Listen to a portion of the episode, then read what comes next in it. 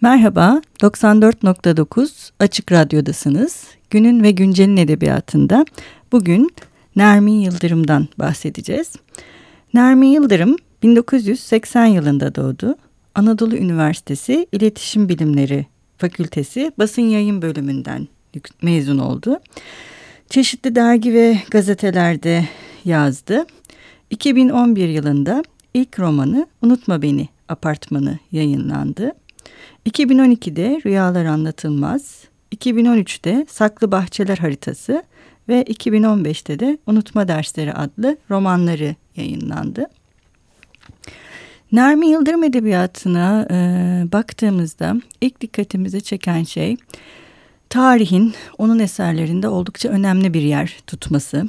E, ilk romanı Unutma Beni Apartmanı'ndan e, başlayarak Rüyalar Anlatılmaz ve Saklı Bahçeler haritasında bu tarih meselesi oldukça önemli bir yer tutuyor.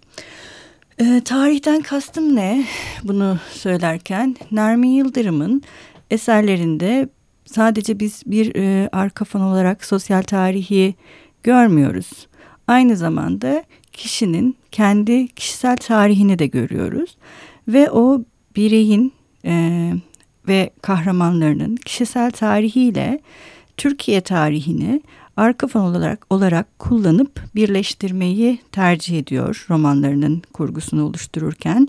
Tabii unutma dersleri biraz daha bunun dışında e, bu özellikle ilk e, üç romanda Unutma Beni Apartmanı'nda Rüyalar Anlatılmaz ve Saklı Başlar arasında bu e, çok tipik bir özellik olarak ortaya çıkıyor. Şimdi kişisel tarih ile e, sosyal tarihin birleştirilmesi, ülke tarihi ile kişinin tarihinin e, birlikte kurgu içerisinde yer alması anlatıda bellek meselesini önemli bir sorun haline getiriyor. Bellek e, nasıl bir sorun haline geliyor Nermin Yıldırım'ın eserlerinde? Her şeyden önce hatırlamak dediğimiz mesele tam da aslında masum bir hikaye midir? Bence bu önemli bir soru Nermi Yıldırım'ın eserlerinde. Çünkü e, kişinin kendi bireysel tarihinden bahsederken de ve e, bunu başkalarına aktarırken de aslında çok da e, tırnak içinde çıplak olmadığını bize anlatan bir yazar Nermi Yıldırım. Örneğin e, bu programın ikinci kısmında bahsedeceğim. E, Unutma Beni apartmanında e, yazarın kişisel yani kitaptaki e, kahramanın kişisel tarihi bizzat m, yazılan romanlarla e, Rüyalar Anlatılmaz'da bir günlükle e, Saklı Bahçeler haritasındaysa mektuplarla ve unutma dersleri, unutma derslerinde ise bizzat yazarın e, kendi söylemiyle e, ortaya çıkıyor.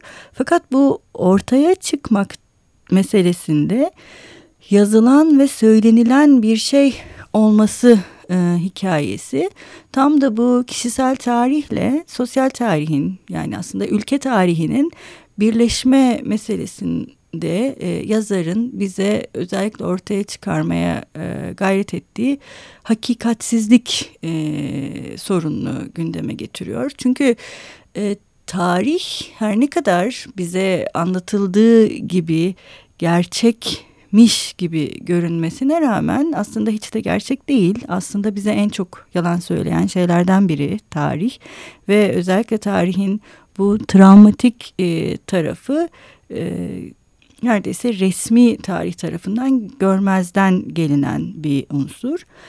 Ve e, ben Nermin Yıldırım'ın bu e, eserlerinde kurguyu oluştururken tarih konusunda neden bu kadar ısrarcı olduğu ve e, eserlerindeki tarihi e, arka plan olarak kullanırken Türkiye'nin her kesiminden insanlara özellikle e, yer vermek istemesinin de bununla bağlantılı olduğunu düşünüyorum.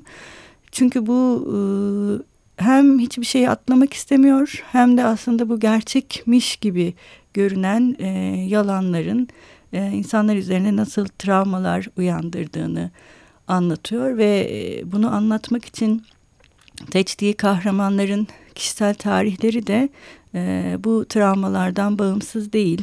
Netekim bizim okuduğumuz e, ana kahramanın kişisel hikayesi de oldukça travmatik, sorunlu ve e, yer yer kendi içinde bile e, baş edemeyen, bu e, sosyal arka plandaki sosyal tarihi algılamaya çalışırken kendi yaşamını da aslında travmatik bir e, hayata dönüştüren, çoğu zaman ellerindeki hayatı yaşamayı beceremeyen kahramanlar yaratıyor e, Nermin Yıldırım. Ve bu e, beceriksizlik, bellek, e, tarih, kişisel tarih ve geçmişe dönme meselesinde de aile önemli bir unsur olarak ortaya çıkıyor Nermin Yıldırım'ın eserlerinde. Onun roman kahramanlarının genelde hepsinde aile üyeleriyle e, sırlara dayanan, çok da e, insanların açık etmekten, konuşmaktan, üzerine düşünmekten hoşlanmadığı e, bir konu olarak ortaya çıkıyor aile ve bu aile arasındaki ilişkiler oldukça sorunlu ilişkiler ve onun kurgusunda da işte aile, bir yere ait olmak ama aslında bir yere ait olmak isterken tam da bu aidiyet duygusundan kaçmak, kendini mümkün olduğu kadar e, kök salmaya uygun ilişkilerden ve mekanlardan ari tutmak e, oldukça önemli. Ve aile de sanki en çok insanın köklerini e, koruyor, köklerini salmasına sebep olan ve insanı sabitleyen bir unsur olarak ama aynı zamanda e, insana e, sırların arkasında oldukça tehlikeli ve travmatik e, bir e, geçmişi de sunan bir unsur olarak görünüyor. E, Nermin Yıldırım'daki aile meselesi tam da bu e, ülke tarihi ve kişisel tarihin e, birleşmesi noktasında e, bizim kendi içimizdeki hesaplaşmamızı e, yapamamamızla da bağlantılı olarak ilerliyor bence. Ve bu yüzden romanlarda anlamak ve aktarmak meselesi önemli. Ee, ve bu anlamak ve aktarmak meselesi e, önemli olduğu için de romanlarında e, başka başka e, metinler kullanmaktan hoşlanıyor yazarımız. İşte biraz önce bahsettiğim gibi mektuplar, günlük, yazılan başka romanlardan kısımlar burada önemli bir yer tutuyor onun edebiyatında. E, zaten dilinin de ilk romandan son romana doğru giderken oldukça yalınlaştığını, işte ilk romanda ortaya çıkan gündelik dille edebi dilin, sokak argosunun, daha kadınca bence bir e, mizahın yavaş yavaş onun eserlerinde e, iyice yoğrulduğunu ve unutma derslerinde çok kendine has bir yön çizdiğini görüyoruz. E, nitekim unutma dersleri bana e, çok Didem Madak şiirini hatırlattı. Hem çok gündelik hem her zaman gözümüzün önünde hem mizah hem de oldukça kadınca. Ve o yüzden unutma derslerinde daha önce yaptığı gibi e, romanında farklı metinlere yer vermek yerine sadece bu üslup üzerinde çalıştığını düşündüm ve e, giderek daha yalın bir hale döndüğünü düşündüm dilinin. Ee, ve tabii Nermin Yıldırım edebiyatı söz konusu olduğunda e, yine özellikle üzerinde durmamız gereken şeylerden birisi de Barcelona. Nermin Yıldırım eserlerinde mekan olarak kendisine e, Barcelona'yı e, özellikle seçiyor. Zaten yazar da hayatının bir kısmını İstanbul'da, bir kısmını Barcelona'da geçirdiği için bunu yaşamının bir parçası haline getirdiği gibi eserlerinin de bir parçası haline getiriyor. Bu da onun e, yani Nermin Yıldırım Edebiyatı dediğimizde ilk e, akla gelen unsurlardan birisi. E, Nermin Yıldırım Edebiyatı için söylenebilecek şeylerden birisi de oldukça şaşırtıcı e, sonlar bulması kitaplarına. E, kurgu konusunda e, neredeyse bir matematik işlemi yapar gibi e, çalıştığı çok açık ve e, kurguyu her daim canlı tutabilmek için e, gerilim ve e, merak unsuruna özellikle yer veriyor eserlerinde. Bu da e, onun anlatısının e, okur tarafından e, hemen içine girilip e, oldukça heyecanlı bir şekilde okunmasını sağlıyor. E, özellikle unutma derslerinde bunun doruk noktasına ulaştığını söylemek mümkün kendi açımdan. Programın ikinci bölümünde Nermin Yıldırım'ın e, 2011 yılında yayınlanan ilk eseri Unutma Beni apartmanından bahsedeceğiz. E, ve her zaman olduğu gibi e, romanımıza geçmeden önce e, bu romanda yer alan baş kahraman Süreyya'nın e, kendi içinde bir hesaplaşmaya girdiği e, zaman e, dinlediği bir müzik var. E, içimdeki fırtına e, bir e, Çiğdem Talu ve Melih Kibar şarkısı olan e, içimdeki fırtınayı e, roman kahramanımız Süreyya Erol Evgin'den dinliyor. E, biz de şimdi sizlerle birlikte Erol Evgin'den içimdeki fırtınayı dinliyoruz.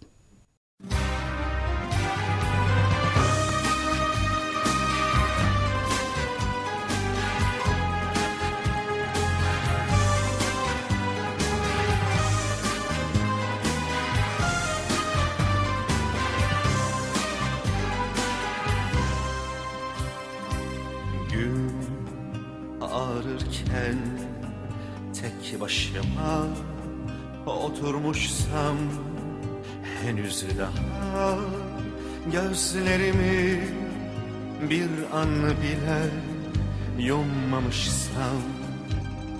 Sen yoksan yine bense yorgun ve yalnızsam. Hele bir de bir de canım hasretine kapılmışsam ve gözümde tutuyorsan buran buran İşte o an bir fırtına kopar Sanki o an yer yerinden oynar. Oynat bir rüzgar eserken Sallanan gemi misali Sallanır durur içimde dünya. İşte o an bir fırtına kopar. Sanki o an yer yerinden oynar. Hoyrat bir rüzgar eserken Sallanan gemi misali Sallanır durur içimde dünya. Son ışıkları sönüyorsa sokakların yeni bir gün giriyorsa penceremden yavaş yavaş sen yoksan yine bense suskun ve bitkinsem hele bir de bir kadehin gölgesine sığınmışsam ve yılların hesabını şaşırmışsam İşte o an bir fırtına kopar. Sanki o an yer yerinden oynar. Kül rengi bir akşam vakti. Kaybolan renkler misali. Kaybolur gider gözümde dünya İşte o an bir fırtına kopar Sanki o an yer yerinden oynar. Kül rengi bir akşam vakti. Kaybolan renkler misali. Kaybolur gider gözümde dünya. İşte o an bir fırtına kopar Sanki o an yer yerinden oynar. Koca çınar dalından misali Savrulur gider güzelim dünya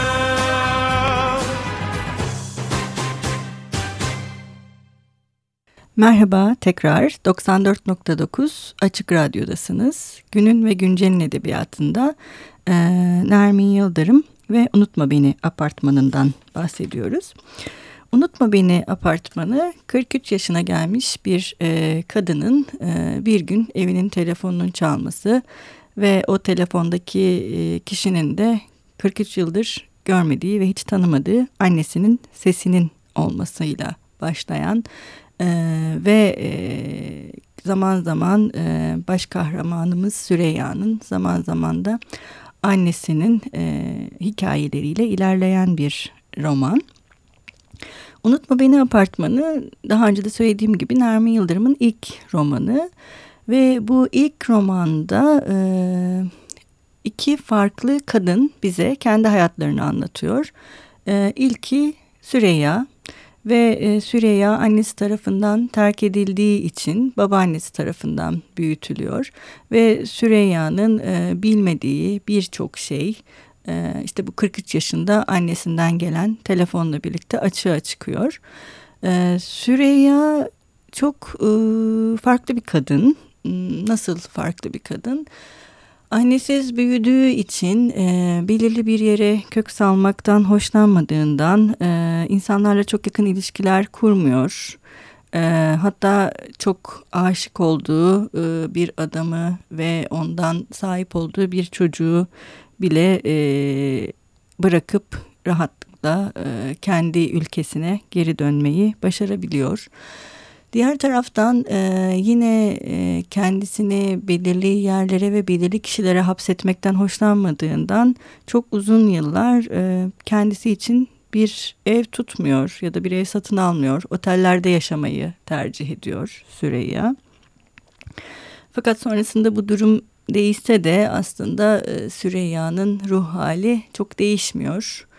E, ta ki annesinden gelen telefona kadar... E, Şimdi e, bu romanda yine ilk başta e, söylediğim gibi anlatma meselesi oldukça önemli. Çünkü Süreyya bir taraftan e, roman ilerlerken bizim gözümüzün önünde dört tane bitmiş bir tane de yarım roman yazıyor. Bu romanlardan bir tanesi ilki Çiğdem adlı bir genç kadının e, kürtaj olduktan sonra kendisi ve hayatı üzerine düşünmesi ve bir tren yolculuğunun da buna eşlik etmesiyle ilerliyor. Ee, bir diğeri e, trafik kazasında çocuğunu ve kocasını kaybeden Nihal'in intihar etmesi ve hayata dair düşünceleriyle ilgili bir roman. Ee, ve bir diğeri 14 e, yaşında üvey babasını öldüren Kasım'ın sirkte trapezci olarak çalışması ve onun hayatına dair bir roman.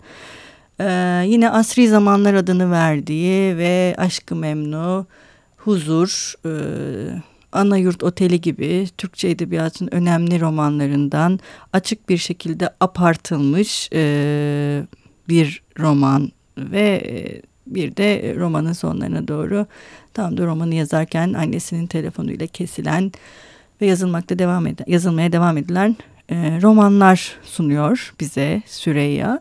Ve bu romanlarda e, ortak bir özellik var. Hep e, bölünmüş bir aile ve kaybolma hikayesi önemli.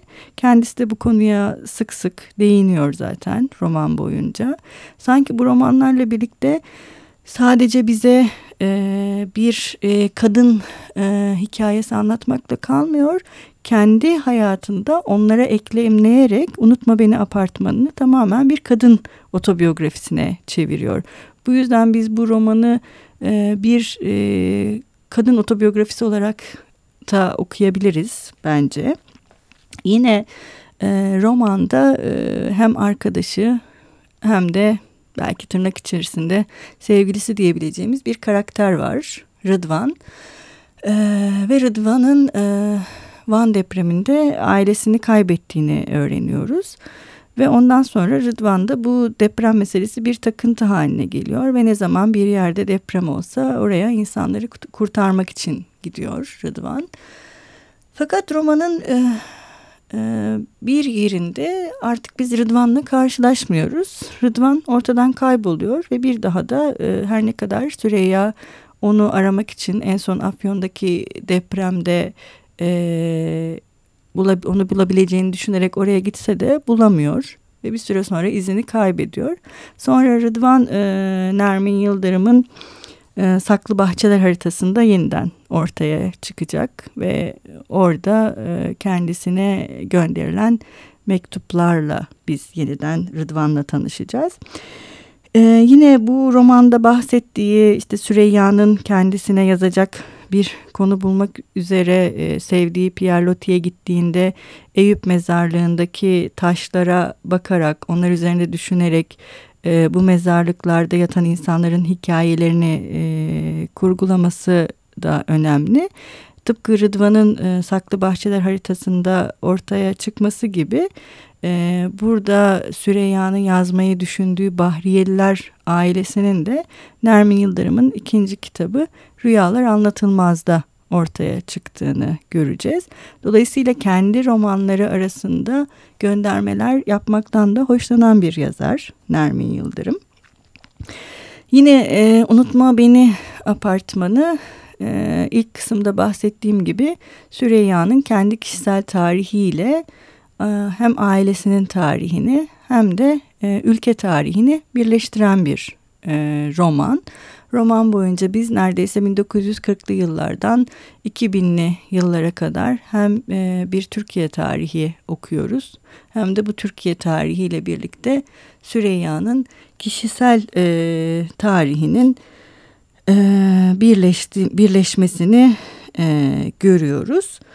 Şimdi e, romanda Süreyya sadece roman yazmıyor. Yani romanlar yazmıyor. Aynı zamanda iş olarak çeviriler yapıyor. E, şimdi bu da bence oldukça tutarlı ve önemli bir mesele. Çünkü hayatından memnun olmayan birinin başka dilde yeniden doğmak için yani yapabileceği en iyi işlerden birisi çevirmenlik şüphesiz. Yine Süreyya'nın e, Barcelona'ya gittiğinde yani kendi ülkesinde değil başka bir yerde e, başka e, bir adama aşık olması ve kendini kendi çocuğunu orada e, bırakması da e, bu genel olarak Nermin Yıldırım'ın tabi özel olarak da e, Unutma Beni apartmanında Süreyya'nın hayatında e, bir yere kök salma e, meselesi açısından önemli. Çünkü bu kök salma hikayesi e, özgürleştirici bir şey değil ve e, bu özgürleştirici ortamdan uzaklaşmak istemiyor Süreyya. E, bu sadece kendisini yetersiz ve başarısız hissettiği için değil bence öyle tercih ettiği içinde böyle roman boyunca.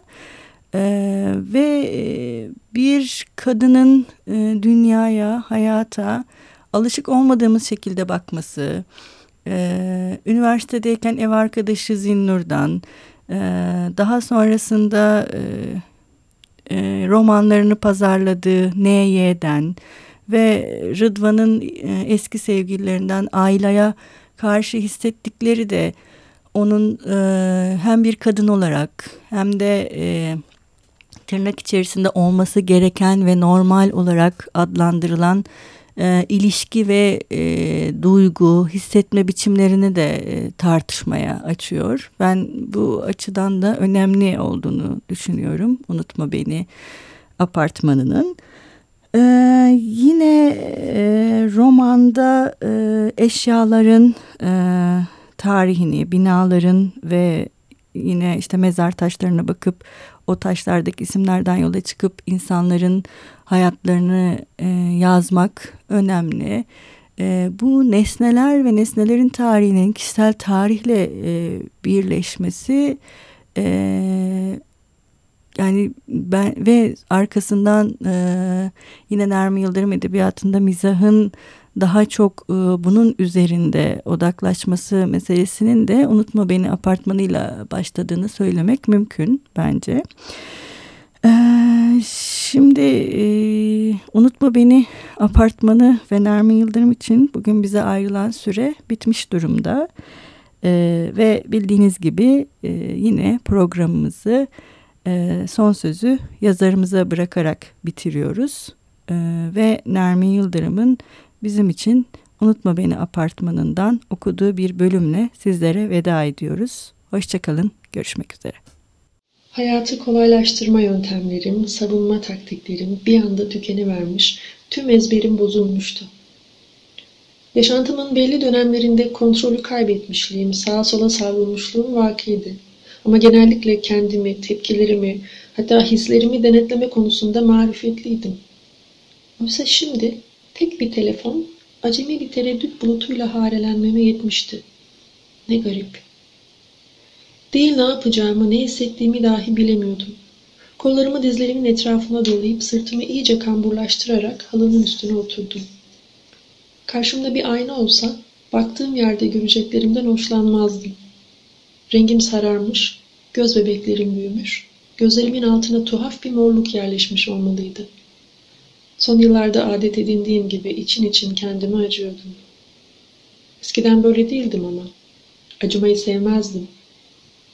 Hele başkalarının bana acıdığını görmektense yerin yedi kat dibinde çıyanların ve türlü tiksinç mahlukatın arasında çürümeyi yeğlerdim. Çocukluğumdan bu yana insanların bana acıması için pek çok dişe dokunur sebebim oldu. Aslında hayatımı zorlaştıran bu sebeplere sığınarak küçük çıkarlar sağlayabilirdim. Öncelikler edinebilir, şefkatli kollara sığınabilir ya da yemeğin en güzel parçasının önüme konması ayrıcalığını kazanabilirdim. Ama yapmadım. Acımak, başkalarının çektiği azaba bakıp onların yasını tutarmış gibi yaparak kendi mutluluğuna şükretmektir çünkü. Acımak kıl payı yırttığın mutsuzluğun diyetini uğursuz, cüretkar bir sadaka gibi dağıtmaktır. İşte bu sadaka iki damla gözyaşı ya da kimsenin işine yaramayacak anlık bir yürek burkuntusu kadardır. Acıyan kendini yüce duygulara malik iyi yürekli bir insan olduğu yalanına inandırmaya çalışır. Halbuki bencil bir sahtekardan fazlası değildir. Pek tabii bununla yüzleşmeyi aklının köşesinden bile geçirmez. Acınmaktan nefret ederim. Peki ben kimseye acır mıyım? ben de insanım.